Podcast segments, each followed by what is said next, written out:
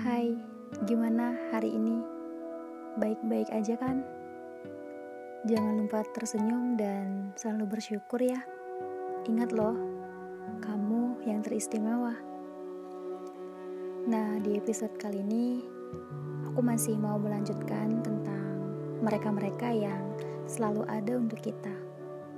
Selain ketiga hal yang udah aku jelasin sebelumnya, aku mau nambahin satu lagi nih siapa sih mereka yang memang selalu ada untuk kita dan cukup berpengaruh kepada kehidupan kita. Jadi, yang terakhir ini adalah mereka orang yang ada di sekitarmu. Jadi, gini, kau tahu tidak, orang-orang di sekitar kita itu mempunyai pengaruh yang cukup besar, loh, dalam kehidupan kita ini.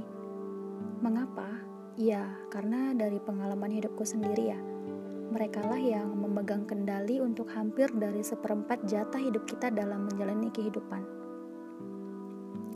Jadi, jika lingkungan kita baik dan berisi orang-orang yang baik dalam hal apa pun itu, maka paling tidak kita pun akan menjadi baik.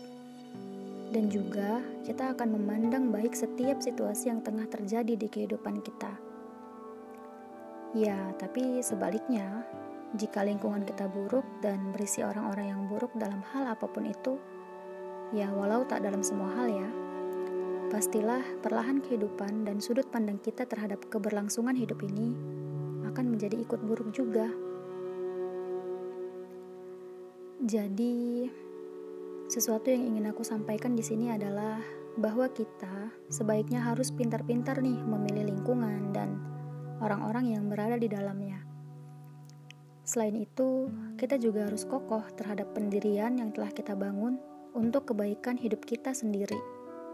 Ya, jangan sampai hanya gara-gara mereka yang toksik, kita menjadi goyah dan kehidupan buruk yang tidak kita inginkan kian menjadi teman dalam kehidupan kita ini.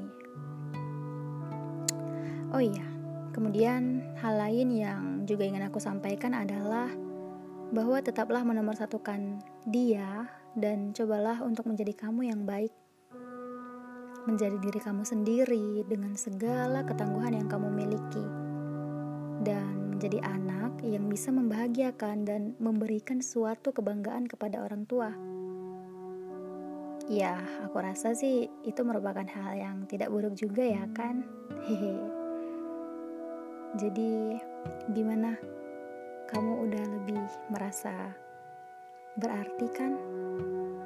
Jangan menyerah lagi ya. Ingat loh, kamu istimewa. thank you